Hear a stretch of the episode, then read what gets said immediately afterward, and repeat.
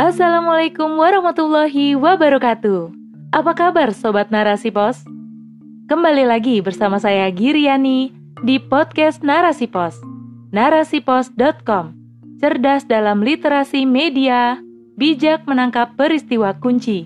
Rubrik Opini.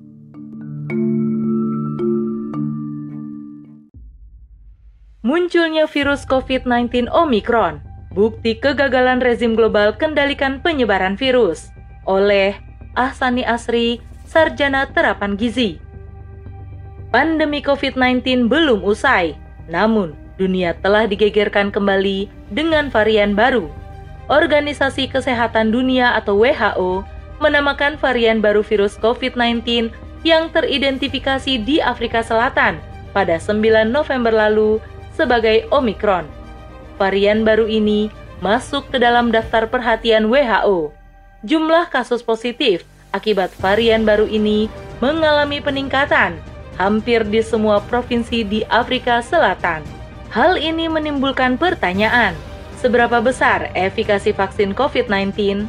Dilansir dari ABC News, Profesor Tony Cunningham mengatakan bahwa varian Omicron dapat menginfeksi orang-orang yang telah divaksinasi.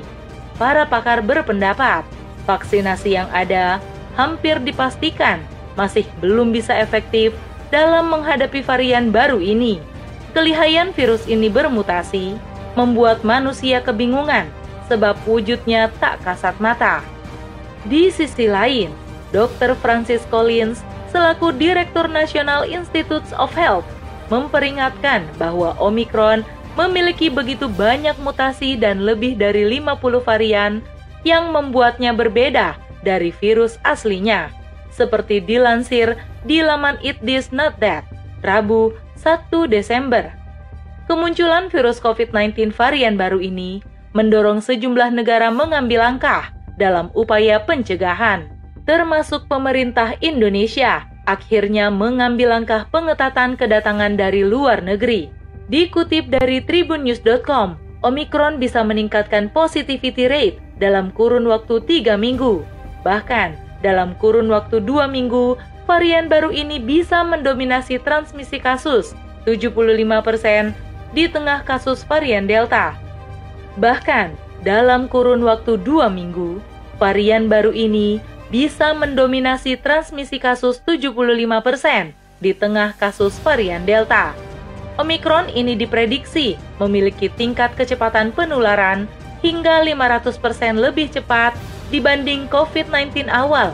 Pertanyaannya, kapan pandemi akan berakhir jika kemunculan kasus atau varian baru berangsur tak terkendali?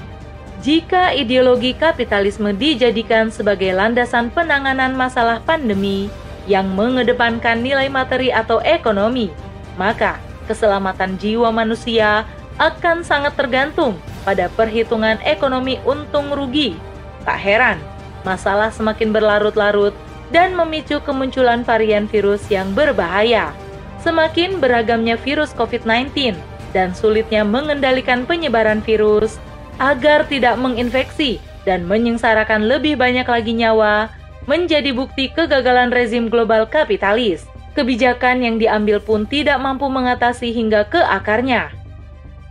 Target kurva pelandaian angka kasus COVID-19 belum konsisten, tumpang tindih sistem pendataan, layanan kesehatan kurang memadai, layanan kesehatan primer tidak pernah menjadi prioritas pelaksanaan surveillance berbasis masyarakat yang menjamin tes, trace, dan isolate berjalan di atas dasar yang solid pemerintah pun membuat kebijakan maju mundur. Dektor ekonomi menjadi prioritas utama, padahal wabah merupakan ancaman yang sangat serius sehingga dibutuhkan birokrasi, kerangka regulasi, dan anggaran yang kuat untuk menghadapinya. Pernyataan ini tercantum dalam Health Outlook 2021. Jakarta Center for Indonesia Strategic Development Initiative menyebut pemerintah memilih jalan yang berujung pada ledakan wabah COVID-19 yang tak kunjung usai dan menyebabkan hilangnya nyawa manusia. Selain itu, Lembaga Kesehatan Dunia (WHO) mengakui tindakan kesehatan masyarakat dan sosial efektif untuk pembatasan penularan dan pengurangan kematian, tetapi mengabaikan tindakan lockdown itu sendiri. Demikian juga, rezim demokrasi kapitalisme di negeri ini mengakui lockdown sebagai tindakan lebih efektif, namun tetap diabaikan dengan alasan berdampak pada pertumbuhan ekonomi. Pada akhirnya, penanganan mengabaikan kunci tersebut dan mengandalkan pada teknologi. Alhasil, persoalan waktu makin tanpa ujung dan mobilitas semakin difasilitasi. Vaksin COVID-19 yang digencarkan untuk membentuk kekebalan komunitas atau herd immunity diharapkan dapat memutus rantai penularan virus. Padahal sejak awal, vaksin dirancang untuk tindakan klinis individual, mencegah agar orang yang terinfeksi tidak sakit dan bila sakit tidak begitu parah, bukan sebagai tindakan komunal pemutus rantai penularan. Persoalan makin pelik hingga muncul varian baru. Besar kemungkinan Indonesia akan mengalami pandemi gelombang ketiga jika pemerintah tetap bertahan dengan kebijakan-kebijakan kapitalistik. Islam hadir sebagai solusi untuk setiap persoalan, tidak terkecuali masalah pandemi. Islam memiliki metode dan prinsip-prinsip yang jelas dalam penanganan pandemi. Metode lockdown adalah tindakan yang disyariatkan oleh Allah Subhanahu wa taala sebagaimana ditegaskan oleh Rasulullah Shallallahu alaihi wasallam.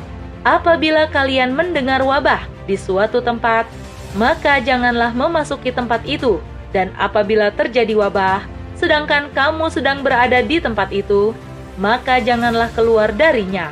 Hadis riwayat Imam Muslim.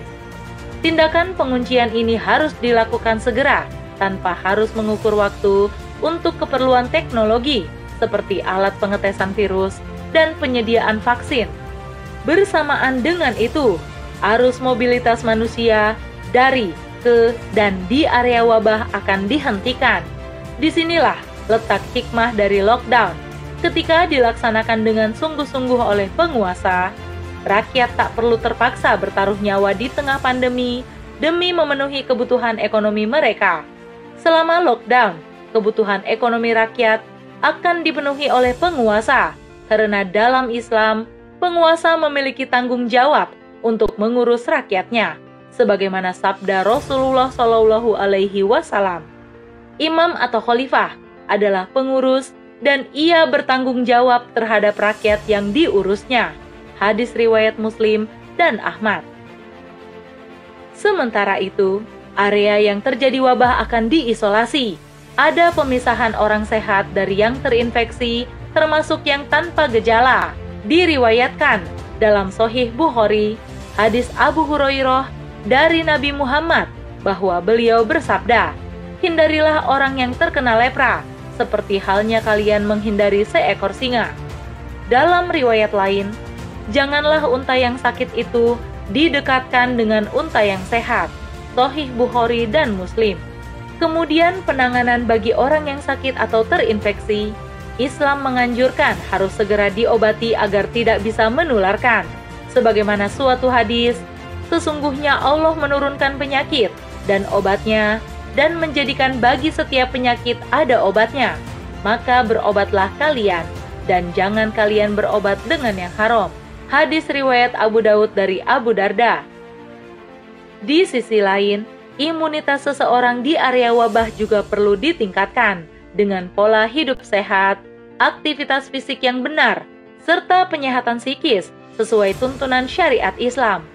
Seorang pemimpin dalam Islam atau khalifah memiliki kapasitas sebagai roin atau pengurus urusan umat yang akan menjamin melakukan upaya menangani wabah dengan tepat sesuai dengan kepemimpinan politik dalam Islam, yakni khilafah, sebuah institusi kaum muslimin yang akan hadir pada abad ini atas izin Allah Subhanahu wa taala. Wallahu a'lam bishawab.